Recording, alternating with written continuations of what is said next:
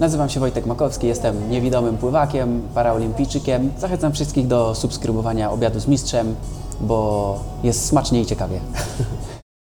Jest sobota, jesteśmy w Łodzi, ty na co dzień mieszkasz w Warszawie. Jesteś po treningu.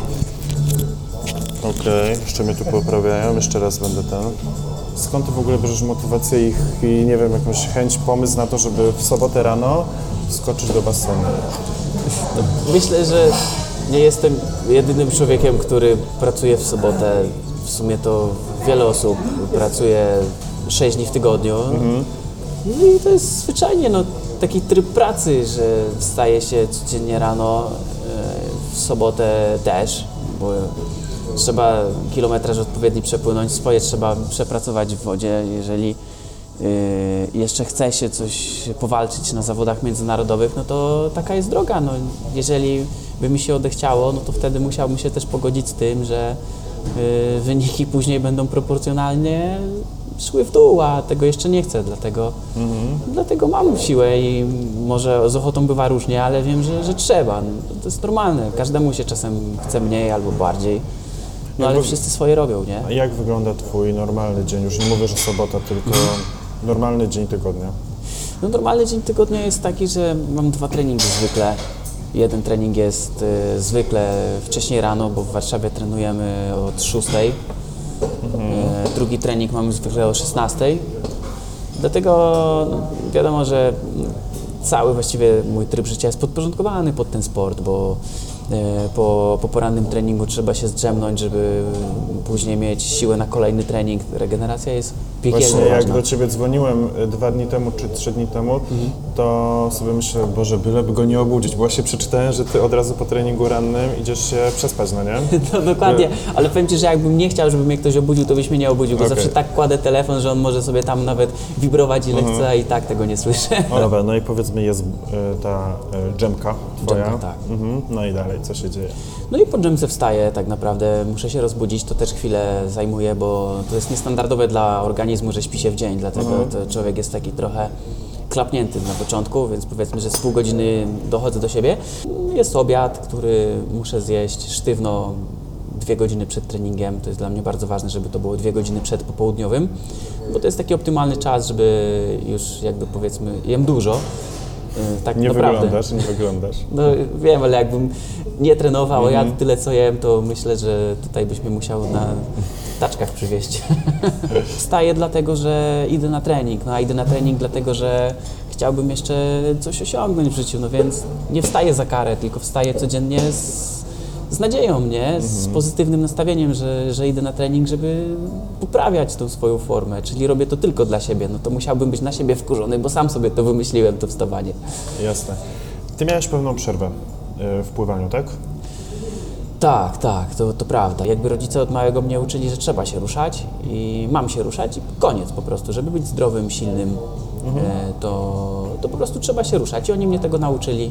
Bardzo jestem im za to wdzięczny. Bo mimo tego, że przestałem pływać ze względu na to, że przyszło liceum, inne zajęcia, inna szkoła, e, dużo więcej nauki, no nie było już jakby mi tak wygodnie jeździć tak często na basen. Ale jako, że nie byłem w stanie przestać się ruszać, to poszedłem na siłownię. I 5 lat, właściwie do końca drugiego roku studiów spędziłem właśnie chodząc na siłownię. Najpierw na WF-ach w liceum z moim WF-istą. On zabierał mnie, robił mi właściwie takie indywidualne lekcje, poświęcał mi mnóstwo czasu i on we mnie właśnie zaszczepił. e, Wyciskanie. tak, bo uwielbiałem wyciskać. Zresztą do dzisiaj, jak o tym myślę, to mi się tak na serduszku przyjemnie robi. I wiem, że na tą siłownię wrócę finalnie, jak skończę pływać, bo bardzo lubię ćwiczenia siłowe. Zresztą przychodziło mi to nawet dosyć łatwo, bo jestem trochę krótki. Mam krótkie ręce, krótkie nogi, a, a to jest jakby atut, jeżeli chodzi o ćwiczenia siłowe. Jeżeli chodzi o pływanie, to niekoniecznie, dlatego nie planowałem w ogóle wyczynowego pływania, bo ja nie bardzo na pływaka w ogóle wyglądam. Zazwyczaj są wyżsi. No tak, no zazwyczaj to są naprawdę byki po 1,90 m, to nawet moi rywale, to ja przy nich wyglądam jak lolek przy bolku. To czym ty nadrabiasz, skoro osiągasz y, doskonałe wyniki? Y, czym nadrabiasz y, nad tymi wielkimi chłopakami? Bo jednak oni zostają w tyle. No Znaczy, tak w tyle, no nie wszyscy. No. No, Znaczy, chyba większość. tym nadrabiam, że się po prostu tym nie przejmuję od samego początku. Mhm. Zacząłem jakby, wszedłem w to wyczynowe pływanie nie licząc kompletnie na nic. Po prostu chciałem zająć się czymś naprawdę ciekawym, przynależeć do jakiegoś fajnego projektu. E, No bo chodziłem na siłownię, sprawiało mi to radość, ale jakby to było wszystko no tak, no robię to dla siebie, nie? Bez żadnego tam jakiegoś e, konkretnego celu. I brakowało mi, żeby robić po coś. I nagle właściwie znalazłem się w sytuacji, gdzie zaproponowano mi, żebym dołączył do klubu, żebym spróbował jeździć na zawody. Mówię, wow, jaka jazda w ogóle. No w sumie z pływaniem jest jak z jazdą na rowerze. Nie zapomina się tego. Jakoś przypomniało mi się to, co robiłem do końca gimnazjum. Okazało się, że wydolnościowo też nie stoję najgorzej. Może nie rewelacyjnie, ale nie najgorzej. No i jakby ta, ta, ta siła, którą wypracowałem sobie też tutaj zagrała na moją korzyść. Zresztą dlatego też jestem sprinterem, a nie długodystansowcem. Bo jakby ciężko nadrobić te lata treningu, tych wysiłków raczej e, krótkich, ale mocnych. Stąd ten sprint, nie? E, No i od początku właściwie nie liczyłem na nic. Mówię, dobra, pójdę sobie popływam, może coś z tego wyjdzie, może nie, ale będzie fajnie, coś się zadzieje. I kiedy zaczęło, zacząłeś traktować pływanie e, poważnie i zobaczyłeś, że coś z tego wyjdzie?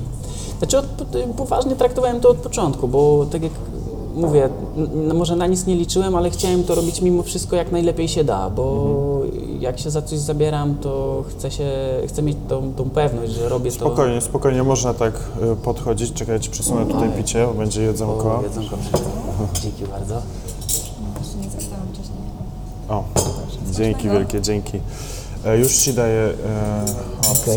To fajna widelczyk. miska nie będzie wypadała. E, Jakbyś chciał, tu jest jeszcze łyżka, ale sobie myślę, że, że dasz radę. tak- Kładam tak- radę. No, nie jestem wirtuozem, jeżeli chodzi o jedzenie, natomiast, natomiast jestem głodny po treningu, więc proszę o wybaczenie. Smacznego życzę. No smacznego, o pyszne, Pyszne. pyszne. No, Uwielbiam jeść. Tutaj Państwo będą mieli e, pozytywne opinie od Ciebie. Nie, no wyśmienite w ogóle. W karierze każdego sportowca jest coś takiego, że nagle mówi sobie e, tak, to robię to na, na serio i naprawdę i wchodzę w to na 100%. Kiedy Ty stwierdziłeś, że no, pływanie to jest, e, no masz szansę osiągać najlepsze e, wyniki? No, Coś takiego we mnie się pojawiło właściwie po Mistrzostwach Europy w 2014 roku. To były właściwie pierwsze poważne zawody międzynarodowe, na jakie pojechałem, więc ja sobie tam jechałem. Pamiętam, że mieszkałem wtedy przed, mm, przed tymi zawodami w pokoju z kolegą, też niewidomym pływakiem, z Marcinem Ryszką, zresztą pozdrawiamy Marcina. On wtedy był właśnie takim starszym kolegą, który mnie wprowadzał do tej kadry, no bo już był w niej od wielu lat. No ale myśmy się tak śmiali, patrząc tam po wynikach naszych potencjalnych rywali, bo były już listy startowe, że w sumie jedziemy sobie tam na wycieczkę, no, no gdzie, no, z nimi będziemy się ścigać, będziemy oczywiście walczyć, ale mówię, Marcin, jedziemy na wycieczkę, nie? No jedziemy. Turystycznie pojechałeś. No oczywiście z przymrużeniem oka, Jasne, bo jasne. za coś takiego to może mi się zebrać bura później. No w każdym razie, no tak nie napinałem się od samego początku. Ale pojechaliśmy, to był akurat Eindhoven. No i tam sobie startowałem, startowałem, robiłem sobie swoje. Podobało mi się. Zrobiłem dwie życiówki na 100 grzbietem, później na 50 kraulem. Mówię, fajnie, no można tutaj naprawdę z siebie dać sporo. No i ostatni start 100 kraulem. Nagle kończę wyścig i dowiaduję się, że jestem na trzecim miejscu. Mówię, zaraz, zaraz. Mówię, mówię chyba kogoś dyskwalifikowali. Ale okazało się, że nie. To okazało się, że jesteś dobry. Znaczy okazało się, że mogę powalczyć. Tak wtedy doszło do mnie, że może są jakieś większe perspektywy niż przewidywałem wcześniej, nie? Że może to nie tylko taka odskocznia i tylko taka zajawka, ale... No i później zaczęliśmy, zaczęło się troszeczkę więcej treningów, trochę dłuższe treningi i mówię, okej, idę w to, niech się dzieje co chce. No, za rok były Mistrzostwa Świata, mówię w sumie też pierwsze Mistrzostwa Świata i też niekoniecznie muszę od siebie czegokolwiek oczekiwać. No jadę po prostu... Bez presji, nie? Tak, jadę na kolejny wyjazd i tyle.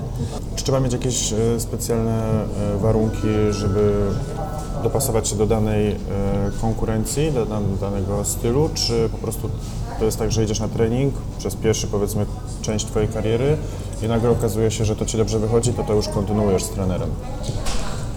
Na początku właściwie nikt nie wie, kim jest, nie? Mm, jakby trzeba popływać trochę No i zobaczyć, gdzie, gdzie te wyniki będą szły najszybciej. A trenujesz wszystkie e, style, czy potem już Generalnie tak, generalnie to trzeba się rozwijać e, równomiernie. Trzeba pracować nad wszystkimi partiami mięśniowymi, bo przy każdym stylu są ważne i ręce, i nogi, i mięśnie korpusu, brzuchem się trzyma plecami. Każdy mięsień jest ważny. Można mieć powiedzmy predyspozycję w kierunku jakiegoś stylu, ale przy każdym stylu pracuje całe ciało, także ten rozwój musi być równomierny. No. a czego nie lubisz? Yy, delfina. O Boże. Tak strasznie chciałbym się nauczyć pływać delfinem, ale w moim wykonaniu to wygląda, że stoję w miejscu i ruszam rękami i jak jakaś dżdżownica w wodzie. Nie idzie do przodu. Wiesz, coś w tym jest. Ja jak płynę delfinem. A, i żabką, no tak, ale żabką to jak płynę, to w ogóle się czuję, jakbym miał jakiś problem ze sobą, taki mentalny, głęboki. Nie idzie, nie idzie. Śmieją się ze mnie, że turysta płynie. Wróćmy na chwilę do Twojego trybu, trybu życia. E, Ranne wstawanie, dosyć pewnie wczesne e, chodzenie spać. Czy jesteś siedzącym długo?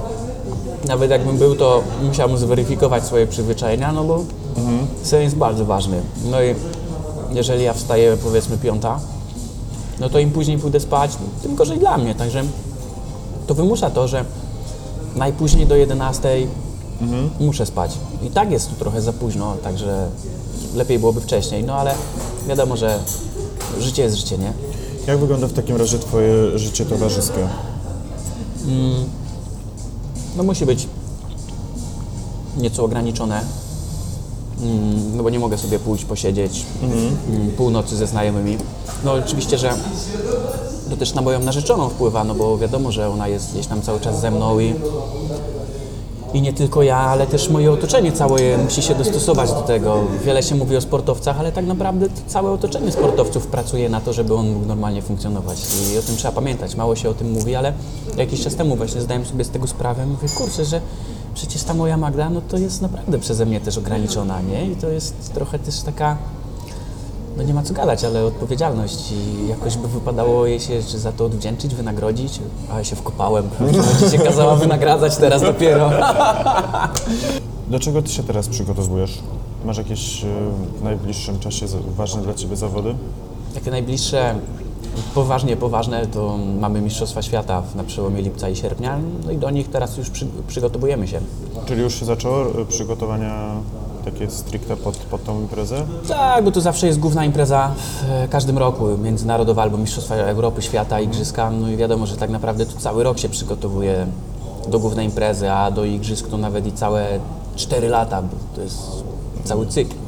Teraz na treningach bywa różnie, ja się strasznie irytuję, jak mi coś nie idzie, ale mój grzbiet się troszeczkę rozpadł jakiś czas temu już, To znaczy?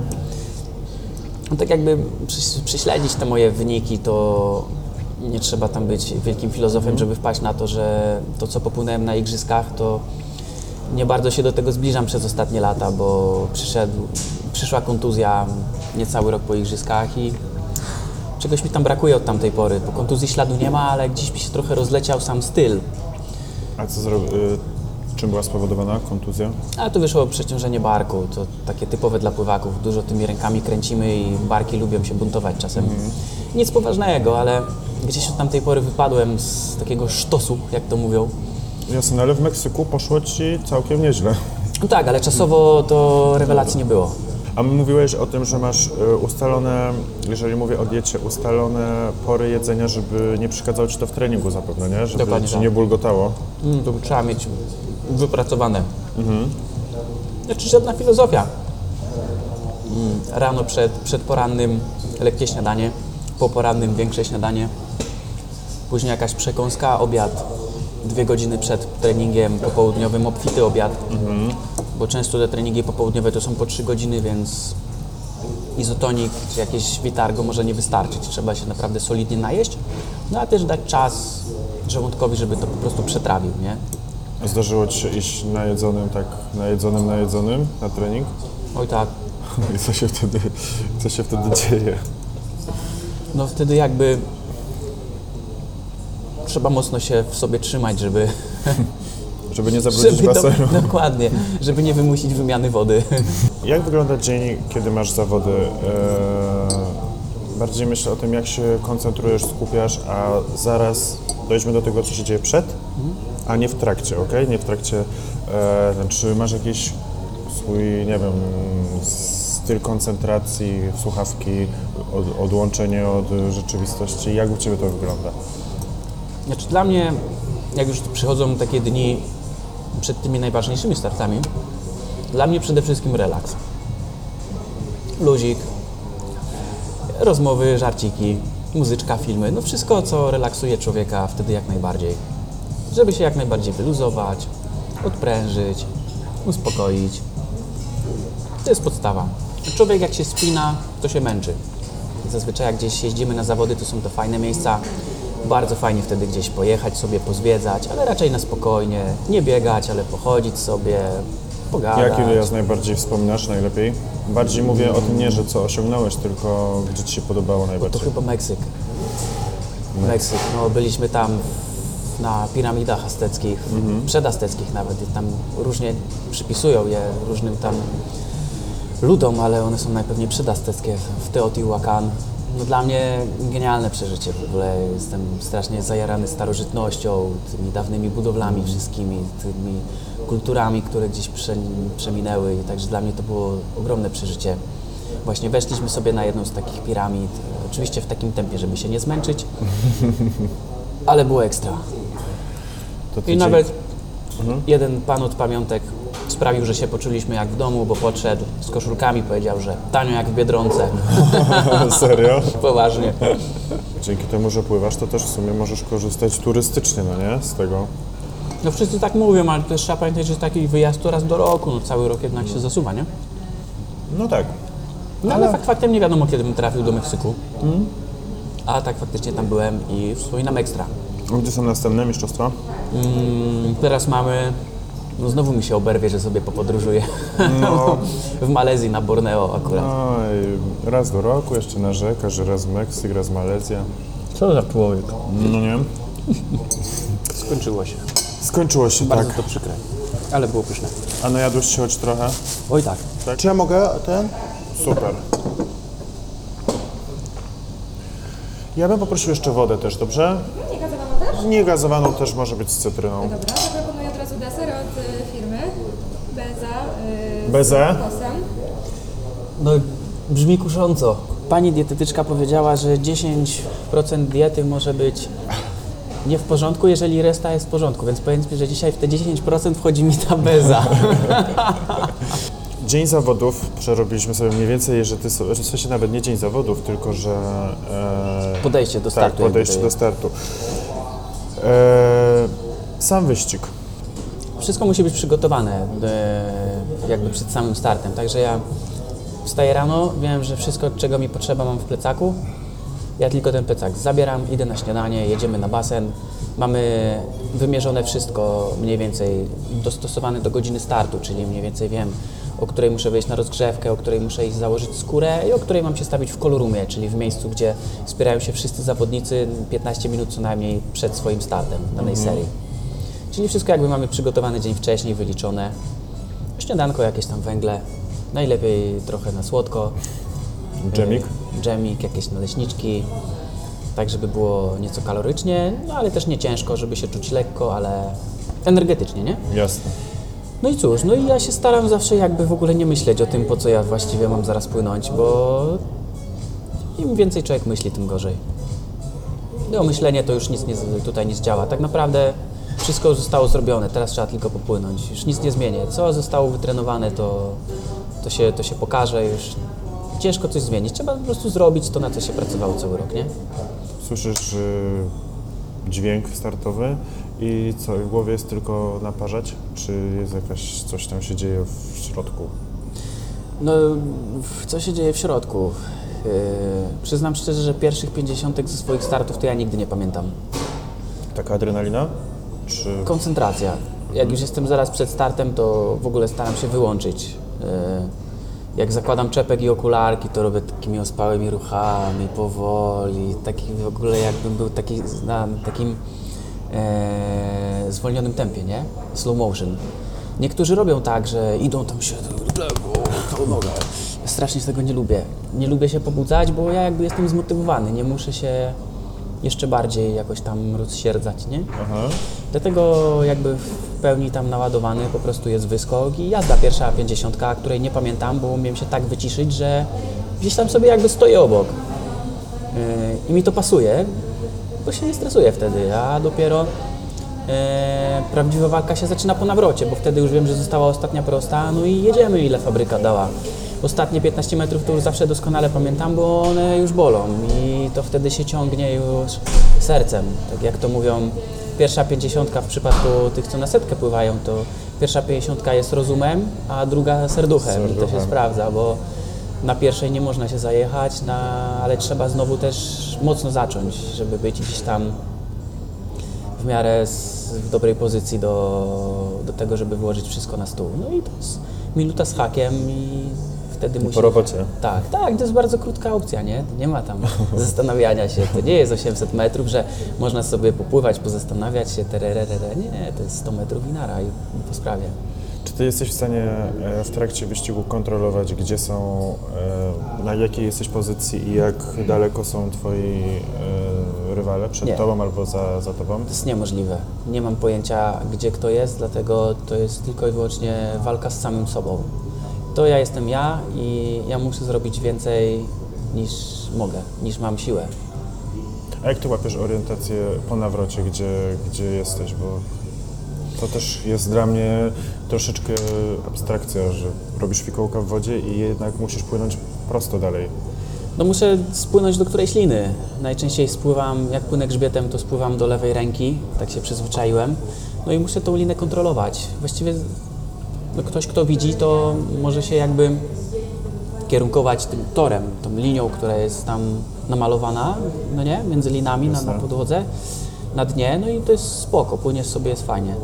Natomiast jak nie widzisz, to musisz jakoś e, utrzymać tą prostą linię i najczęściej po prostu trzymasz się którejś liny, bo to ci jakby gwarantuje to, że nie będziesz płynął zygzakiem, ponieważ no jakby jak płyniesz zygzakiem, no to nie płyniesz 100 metrów, tylko 105, to jest strata czasu zwyczajnie, więc warto się trzymać którejś liny i no i zasuwać do przodu, co też nie jest łatwe, bo im jest większa frekwencja pracy rąk, to tym ciężej tą linę kontrolować. I Jasne, jest- a jak się zderzysz z taką, e, z taką lini- liną, e, to są jakieś dyskwalifikacje, czy po prostu to jest dla Ciebie strata i wybicie z rytmu? no to jest dla mnie strata czasu. Okej, czyli nic się takiego teoretycznie nie dzieje, Teoretycznie nie, nikt mnie z wody nie wyrzuci za to. Okej. Natomiast no, dla mnie to jest strata, bo i to hamuje, a nadrabiać prędkość od nowa to jest słaba opcja. że... Jasne. A tutaj Pani idzie z, dla nas z deserkiem. Czekoladowa, y, czekoladowe parfait, beza kokosowa, kajmak. Przepysznie. Bardzo. Dziękujemy bardzo. Tak, mamy ciasteczka owsiane z rodzynkami. Proszę bardzo, daję Ci widelczyk tutaj. Tomek, Dziękuję. tak? No powiem szczerze, że to jest dobre. Co jest Twoją mocną i Twoją słabą stroną w trakcie zawodów? Masz teoretycznie tylko, tak jak mówisz, minuta z hakiem, ale z- zawsze są osoby, które są lepsze w czymś, a gorsze w czymś. Czym Ty tracisz, a czym nadrabiasz? Tracę na pewno warunkami fizycznymi. Nie jestem urodzonym pływakiem, nigdy już nie będę. I tak naprawdę to trochę naciągam prawa natury, bo, no bo, bo nie mam warunków. Mam krótkie ręce, krótkie nogi i w ogóle to jestem nierozciągnięty. Także no właściwie nie wiem, no Jak to jest możliwe, że Ty w ogóle pływasz No właśnie, i ale- osiągasz takie wyniki? Wiesz co, chyba moim atutem jest to, że ja po prostu się nad tym nie zastanawiam. Ja po prostu wchodzę i robię, co mam zrobić i wychodzę, no co, będzie co będzie. Jasne. Jakby przed startem godzę się na każdą ewentualność. Mówię sobie, a choćbym miał ostatni przypłynąć i co z tego? Przecież nikt mi głowy nie utnie na mecie za to, nie?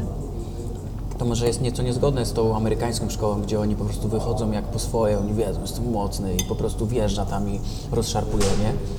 No ale wiadomo, że każdy ma swój sposób, mnie akurat pasuje taki jest okej. Wiadomo, że zawsze jest taka czy inna presja, no bo im lepszy wynik, to jest tym większe stypendium, to, jest, to są pieniądze, za które ja później żyję cały rok, więc to nie jest tak, że to nie jest ważne, to ma bardzo poważne konsekwencje, jak ja wystartuję. Przecież za coś też muszę żyć, a u nas nie ma tak jak u sportowców pełnosprawnych, że sponsorzy się na nas rzucają Mm.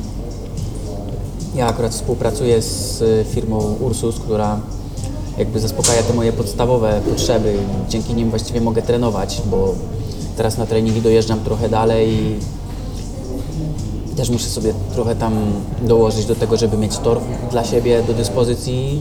Jakby Ursus tutaj naprawdę się wielkim serduchem prezes Zarajczyk y, wykazał, bo gdyby nie, nie, nie on, to nie bardzo by mnie było stać w tym momencie, żeby kontynuować ten trening. Na stypendium mogą liczyć ci sportowcy, którzy zakwalifikowali się do finału w swojej konkurencji, czyli są w ósemce.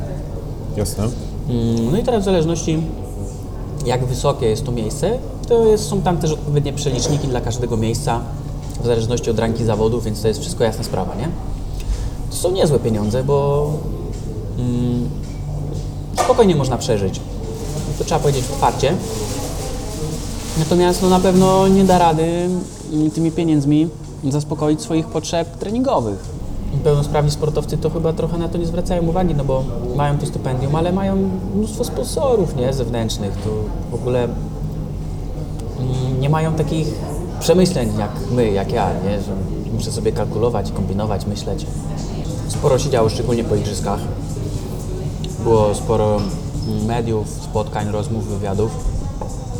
Natomiast ja mam cały czas wrażenie, że mm, raczej to jest traktowane jako ciekawostka, mm, jako materiał, który można pokazać ludziom, żeby ich zmotywować, żeby mm, pokazać, że ktoś ma tam jakieś ograniczenia, mimo to sporo robi, że to jest takie super wow, ale to jest cały czas w kategoriach takiego, takiej właśnie ciekawostki, a nie tak naprawdę materiału promocyjnego czy materiału na marketing dla określonej marki.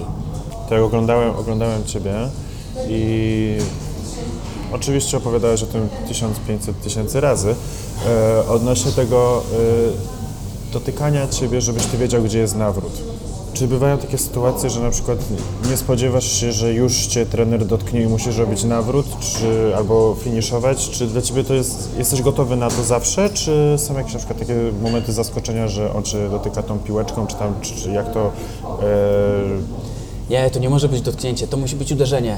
Okej. Musi być uderzenie lepiej mocniej niż lżej, bo e, jak woda e, neutralizuje, nie? Woda to wszystko wycisza, natomiast jak człowiek jest w ferworze walki, to dotknięcia to by też nie poczuł. To musi być uderzenie, żebym ja dostał konkretny bodziec, żeby mnie to też jakby pobudziło do tego, żebym wykonał ten nawrót automatycznie, bo ja też płynąc nie czekam na to uderzenie. Ja muszę po prostu płynąć jak najszybciej i w momencie jak przychodzi ten moment, że trener stojący na brzegu mnie tą pałką tam pyk, to ja muszę automatycznie wykonać ten nawrót, co powoduje, że to, to musi być no to musi być mocne uderzenie, nie? A jak daleko jest od momentu, kiedy dostajesz, a ściana? To jest bardzo indywidualna sprawa, bo to zależy od każdego pływaka, zależy od jego wzrostu, zależy czy robi nawrót automatycznie, czy robi jeszcze napłynięcie, to jakby się wszystko e, dopasowuje do specyfiki zawodnika. W moim wypadku to jest mniej więcej tak, że ten nawrót robię dosyć blisko, jak już jest mniej więcej jeden ruch do ściany, także trener widzi, że kolejny rzut ręką to już by była ściana, no to wtedy dostaje... Czyli też od niego trochę zależy. Nie, no to jest bardzo ważne. To jest akurat e, taki przypadek, rzadko myślę występujący w sporcie, gdzie, e, gdzie mój start jest mocno zależny od jeszcze dwóch osób, od tak zwanych taperów, ponieważ to z angielskiego się nazywa, że to jest tapping, tapowanie, czyli po prostu uderzanie tym kijem. No. Nazywajmy rzeczy po imieniu. Tak. Nie no, sorry. Z, z różnych rzeczy to się robi. Z, na przykład korzystamy z wędek. Bierzemy ten szkielet od wędki, zewnętrzny cały, bo on się fajnie rozkłada. Na końcu się dokleja piłeczkę tenisową, oklejoną jakąś tam taśmą. No i tym się obrywa po prostu. I to jest bardzo ważne, bo najgorzej ma ten, co stoi na nawrocie, bo nawrót jest bardzo ważny. Łatwiej jest finiszować, ale czasem to też ma dużą wagę, co zresztą pokazały igrzyska, bo na igrzyskach byłem aequo z Amerykaninem, e, staliśmy razem na drugim szczeblu podium. No i to właściwie było dzięki dobremu finiszowi, gdzie trener mnie puknął tak, że naszedłem fajnie na tą ścianę i pewnie, że brązu bym się też nie wstydził. No, dlaczego? Ale, jest srebro, srebro. to srebro, wiadomo, nie? Czytałem i słyszałem w jakimś wywiadzie wcześniej e, Twoim, że nie możecie dowiedzieć się o miejscu, które zajęliście, jak jesteście w wodzie. Dlaczego jest, czemu trener nie może Ci krzyknąć jesteś drugi. Tylko dopiero musisz przepłynąć pod tymi e, liniami całymi oddzielającymi tory, wyjść na z basenu i dopiero może ci powiedzieć. Chociaż słyszałem, że podobno ci powiedział. No wiadomo, że każdy przepis się delikatnie obchodzi. Jakiś to tam sens ma swój, ponieważ y, jest ustalone tak, że trener wiadomo, że musi podprowadzić zawodnika do słupka, bo sam nie trafi. Y, Ale generalnie tendencja jest taka, że mm, zawodnik z trenerem nie powinien się komunikować, czyli powinna być cisza, spokój. Y, No tak jest, żeby była zachowana ta jakby atmosfera startu, prawda? Jasne. Wszystko ma być jak najbardziej wyciszone i jak najbardziej minimalne. No i dlatego raczej mm, raczej nie wolno zrobić czegoś takiego, że trener tak jawnie mówi o stary, jesteś tam drugi, o cieszy się, klebie cię po głowie czy coś. Nie, nie, nie. E, Najczęściej tak w świetle właśnie przepisów to powinno wyglądać tak, że ty wychodzisz z wody i dopiero się dowiadujesz, nie? No ale wiadomo, że każdy to tak po cichu obchodzi i tam się zawsze szepnie, który tego, ja udaję, że nie wiem. Właśnie oglądałem to i zagrałeś to mistrzowsko. To znaczy na igrzyskach to akurat poważnie nie wiedziałem, Okej. bo było tak głośno, że ja nie byłem w stanie nic usłyszeć i wypływając, y, przechodząc przez te tory pod linami, tak sobie myślałem, kurde, już jest po wszystkim, ja nie wiem co się stało, makabra, nie? Dopiero wychodzę tam trener, przed co się dzieje, co się w ogóle stało? Drugi, drugi, o, ale jazda, ale fajnie. Ale, Ale to- wychodząc z wody nie wiedziałem. Którego wyniku jesteś najbardziej zadowolony swojego? No, patrząc po, po rezultacie czasowym, no to wiadomo, że najbardziej cieszy mnie ten rezultat z igrzysk, bo, no bo był najlepszy. To była moja życiówka. Ta minuta 8.28 i tak jak wspominałem wcześniej, zbliżyłem się mniej więcej na 2,5 sekundy najbliżej do tego czasu od momentu igrzysk, dlatego chciałbym jeszcze kiedyś nawiązać do tego wyniku, troszeczkę lepiej się na tej wodzie ułożyć. Natomiast wychodzę z założenia, że każdy wynik dający jakieś tam satysfakcjonujące miejsce na zawodach jest ważny, bo no, każdy wyjazd na takie zawody jest okupiony ciężką pracą i w każdym roku się ciężko pracuje. Przygotowanie do takich zawodów naprawdę kosztuje sporo emocji. Ja to później zawsze odchorowuję, jak wracam. W takim sensie, że muszę się zamknąć w domu, wyluzować. Czasem mi się zdarza, że właśnie mam jakieś tam, odbija się to na moim śnie, no bo to jest naprawdę emocjonalny wysiłek, żeby przygotować się, wystartować, żeby to wszystko zagrało. Czy pływanie pojawia się w Twoim życiu dzięki tacie i bratu, który też pływał? Czy mama tam ingerowała? Czy skąd w ogóle akurat pływanie? Jest milion innych sportów. No jest milion innych I sportów, ale... do innych mógłbyś mieć też predyspozycję, bo mówisz, że nie jesteś e, powiedzmy stuprocentowo profilowo pływakiem, więc czemu akurat pływanie? Myślę, że do wielu sportów miałbym większe predyspozycje niż do budowania. To jest fenomenalne. Mistrz świata, srebrne olimpijskie i mówi, że ma, nie ma predyspozycji. Jezus też chce nie mieć predyspozycji do czegoś, żeby być najlepszy na świecie. No słucham. Ale wtedy była obsada taka skromna. Dobra, dobra. To znaczy, to, to właśnie jest to, co powiedziałeś, że mój tata i brat byli pływakami, a jako, że moi rodzice od początku mieli takie podejście do mnie, że nie będą się kierować moją niepełnosprawnością, no tylko tym, że jestem dzieciakiem, który ma się rozwijać i normalnie brać udział czynny w życiu, cieszyć się tym dzieciństwem i też zaprowadzili mnie na naukę pływania. Myślę, że moje dzieci w przyszłości też na pewno spróbują basenu. Może nie będę ich jakoś specjalnie zmuszał, jak nie będą chciały, bo wiem czym to pachnie, ale na pewno warto dziecku pokazywać jak najwięcej i to są właśnie moi rodzice, którzy zapoznawali mnie, mnie ze wszystkim.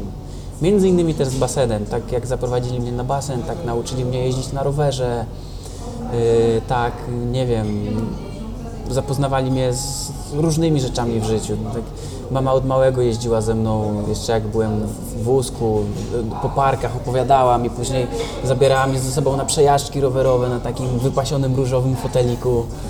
I to właśnie jest to, że byłem zapoznawany ze wszystkim, żebym wiedział, jakie są możliwości. Ja się urodziłem słabo widząc, y, miałem szczątkowe widzenie na takiej zasadzie, że na przykład byłem w stanie odróżnić chodnik od trawnika, trawnik od ulicy. Byłem w stanie zobaczyć zarys y, czyjejś osoby, odróżnić powiedzmy kolor twarzy od koloru włosów, ale już na przykład wielkości ust, nosa, no to nie ma szans. Takich szczegółów nie byłem w stanie dostrzec. No i jakby ten wzrok mi powolutku zaczął później zanikać, bo to było jakby wiadome, że on zaniknie. Zresztą zawsze jak rodzice rozmawiali z lekarzami, jak jeździliśmy na kontrolę do Warszawy, ja po prostu zawsze chciałem przy tym być. No nie wiem, mnie to jakoś nie bolało, a lubiłem wiedzieć.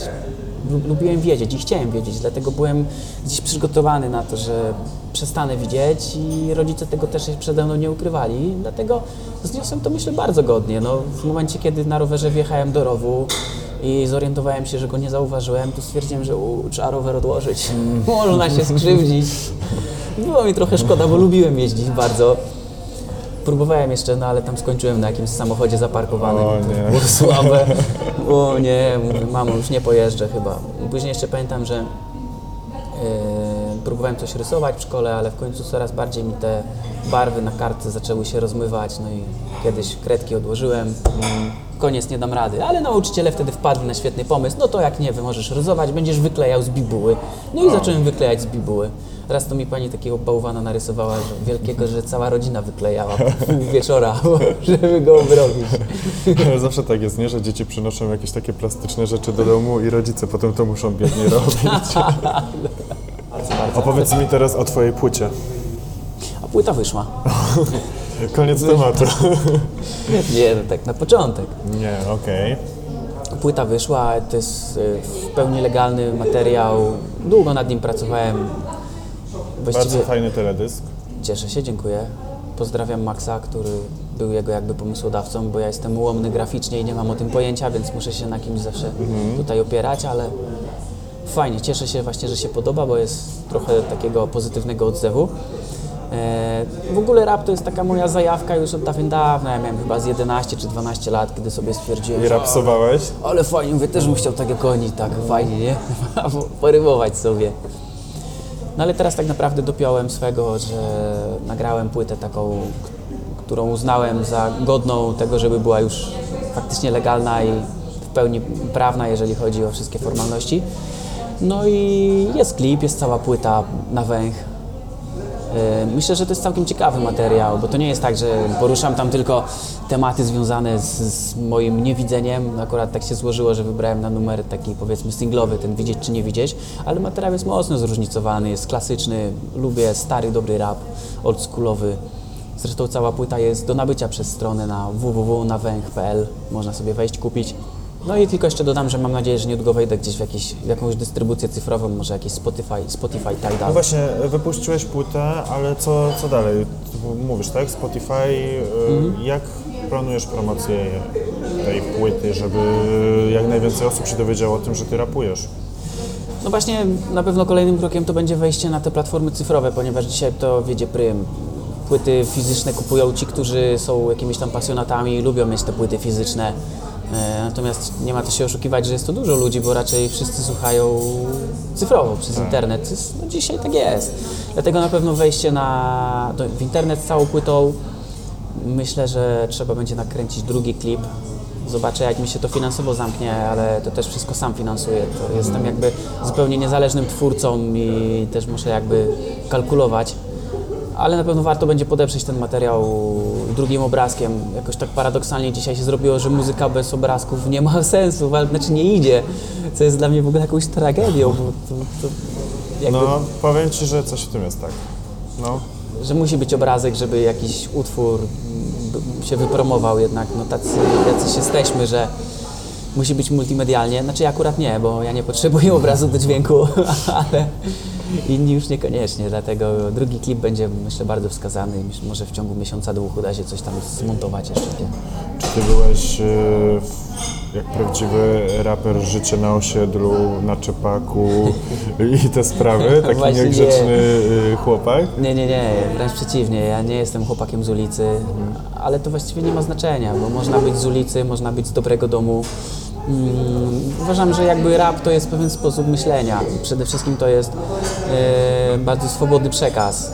Mówienie o wszystkim, wykładanie swoich przemyśleń, łączenie ich z dźwiękiem, e, no i szczerość, prawdziwość. To na tym rap polega, ale z jakiego środowiska kto pochodzi, to ma jakby drugorzędne znaczenie. Słyszałem, że medale się różnią od siebie olimpijskie. Czym? Tak, to w ogóle to jest trochę fajna historia, bo organizatorzy Igrzysk Paraolimpijskich chcieli skonstruować tak medale, żeby one oddziaływały na różne zmysły, nie tylko właśnie na wzrok, no bo zdarzają się tacy, co nie widzą. Fajnie byłoby ich jakoś też ująć w tych medalach. Dlatego każdy kolor, złoto, srebro i brąz, y, mają różną fakturę. Można je odróżnić dotykając. Każdy kolor jest właściwie inny w dotyku, a oprócz tego one coś tam w środku mają takiego, że jak się potrząśnie tymi medalami, to grzechoczą. I co ciekawe, każdy kolor wydaje inny dźwięk. Ten, ten, to grzechoczenie jest inne w przypadku każdego koloru. A jakie plany tak na... Wiem, że na Mistrzostwa Świata się będziesz przygotowywał, pewnie na Olimpiadę też, tak? No celuję, celuję w Tokio w 2020 roku. Realne szanse są, żeby tam powalczyć? Na wyjazd myślę, że tak. Na wyjazd, jeżeli nic złego się nie przydarzy zdrowotnie, to są spore szanse, natomiast żeby powalczyć, to mm, no uczciwie mówiąc muszę ten swój grzbiet jakoś naprawić. Brakuje takiej iskierki. Zdaję sobie sprawę, że w takiej dyspozycji jak teraz będzie mi bardzo ciężko na igrzyskach i muszę, muszę to jakoś pozbierać do kupy, żeby, żeby tam się liczyć z przodu. Co się stało z polskim pływaniem tak ostatnie 5 lat? Nie mówię, że tam nie mamy jakichś osiągnięć, ale ogólnie patrząc na, na to, co się działo kiedyś, to raczej pływacy przywozili więcej e, medali. O, ja tutaj nie chcę się, że tak powiem, wychylać. To już jest pytanie do trenerów. Okej. E, Natomiast e, no, pracują wszyscy ciężko. Widocznie jest, jest chwila przystoju, ale osobiście znam wielu pływaków, którzy naprawdę są oddani sprawie i, i, i grzebią w tej wodzie ile tylko się da. No i cóż, no ważne, żeby nie przestać wspierać. Mamy taką polską mentalność trochę, że jeżeli coś przestaje iść, to przestajemy się interesować, odwracamy się. Ktoś, kto był kiedyś super, jak miał wyniki, jak już ich nie ma, to nagle nie jest super i już tam nie bardzo się zwraca uwagę na taką osobę. W piłce ręcznej też mamy przestój tak naprawdę.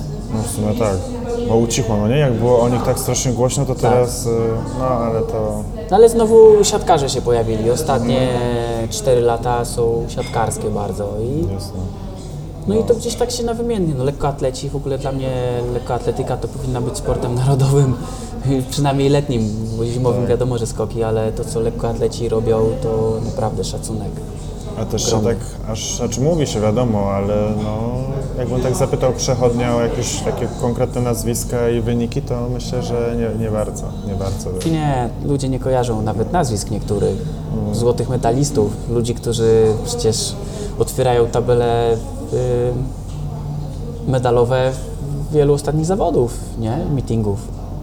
No to jest przykre, no, ale właśnie dlatego u nas ciężko zapracować jest na swoje nazwisko, nawet mając wyniki, bo gdzieś jakby piłka nożna jest cały czas traktowana jako sport narodowy, a to jest nieprawda. Ja nie mówię, bo ja sam lubię piłkę nożną, natomiast nie uważam jej za sport narodowy, bo, bo po prostu nim nie jest. A warto poświęcić uwagę tym, którzy robią naprawdę dobre wyniki. Dlatego bardzo mi się podoba Twój cykl. Przedstawimy Cię w samych superlatywach. Czego mogę Ci życzyć? Cierpliwości, to wystarczy. Cierpliwości. Życzę cierpliwości i poskładania grzbietu, jakby ten grzbiet Ci siadł tak, żeby w 2020 oglądał na pierwszym miejscu, a nie na drugim, współdzieląc z Amerykaninem, tylko na Dzięki. pierwszym. Dziękuję Ci Dzięki. bardzo za rozmowę. O tak, dzięki wielkie. wielkie. Czy może chcesz coś jeszcze od siebie dodać takiego? Myślę, że mocno wyczerpaliśmy wiele tematów, a jeszcze może zdarzy się kiedyś pogadać. Jasne, Jedyne oczywiście. co mogę powiedzieć to zachęcam do sprawdzenia płyty. Yy, Myślę, że to jest dobry rap. No i cóż, no i trzymajcie się wszyscy. Niech moc będzie z wami.